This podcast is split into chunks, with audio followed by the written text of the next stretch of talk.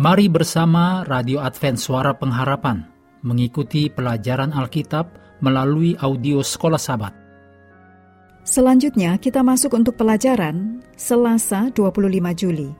Judulnya Menghancurkan Dinding Pemisah.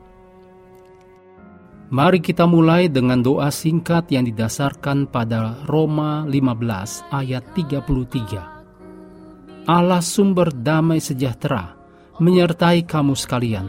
Amin.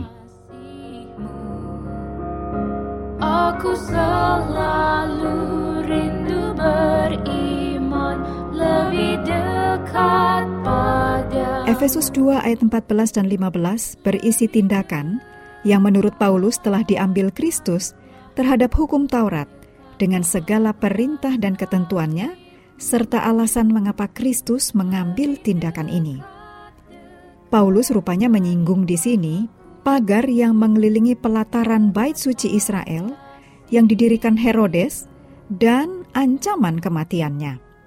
Paulus membayangkan tembok ini runtuh dan orang bukan Yahudi akan diberikan akses penuh untuk menyembah Allah.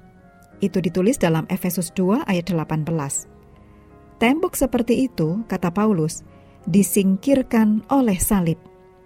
Karena di sana kita belajar bahwa kedua bangsa ini, baik Yahudi dan bukan Yahudi, sebenarnya adalah satu. Beberapa orang percaya bahwa Efesus 2 ayat 14 dan 15 mengajarkan 10 perintah atau 10 hukum, termasuk perintah sabat, itu dihapuskan atau dibatalkan oleh salib. Namun, dalam Efesus, Paulus menunjukkan rasa hormat yang mendalam terhadap sepuluh perintah atau sepuluh hukum sebagai sumber untuk membentuk pemuritan Kristen. Paulus mengutip perintah kelima dalam Efesus 6 ayat 2 dan 3 dan menyebutkan yang lain. Misalnya perintah yang ketujuh dalam Efesus 5 ayat 3 sampai 14 juga 21 sampai 33. Perintah yang kedelapan dalam Efesus 4 ayat 28 dan perintah yang ke-9 dalam Efesus 4 ayat 25, serta perintah yang ke-10 dalam Efesus 5 ayat 5. Ini sejalan dengan pernyataan Paulus sebelumnya tentang hukum, yang dicatat dalam Roma 3 ayat 31, juga Roma 7 ayat 12. Paulus membahas penyalahgunaan hukum, tetapi dia menghormati hukum itu sendiri dan memperkirakan kesinambungannya. Oleh karena itu, menggunakan ayat-ayat ini untuk menyatakan bahwa sepuluh perintah itu dihapus, maka jelas merupakan salah tafsir atas maksud Paulus dalam ayat ini. Terutama mengingat semua ayat lain dalam Alkitab tentang hukum Allah itu kekal.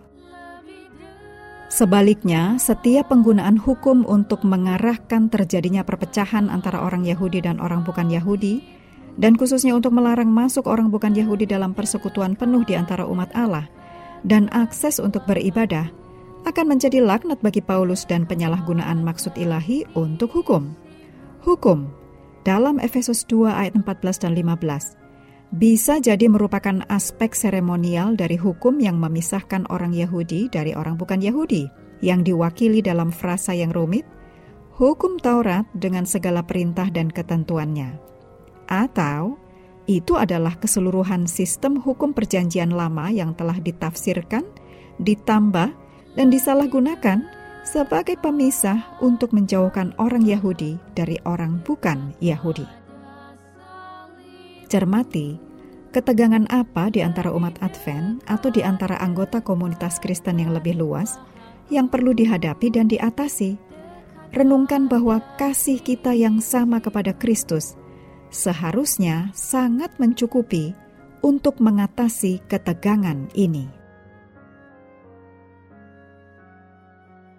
Mengakhiri pelajaran hari ini, mari kembali ke ayat hafalan kita dalam Efesus 2 ayat 13 dan 14.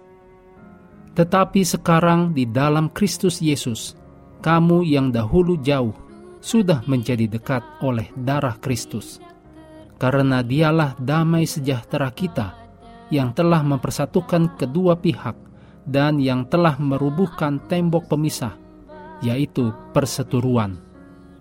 Kami terus mendorong Anda bersekutu dengan Tuhan setiap hari, bersama dengan seluruh anggota keluarga, baik melalui renungan harian, pelajaran sekolah sahabat, dan bacaan Alkitab sedunia, percayalah kepada nabi-nabinya yang untuk hari ini melanjutkan dari Mazmur 80. Tuhan memberkati kita semua.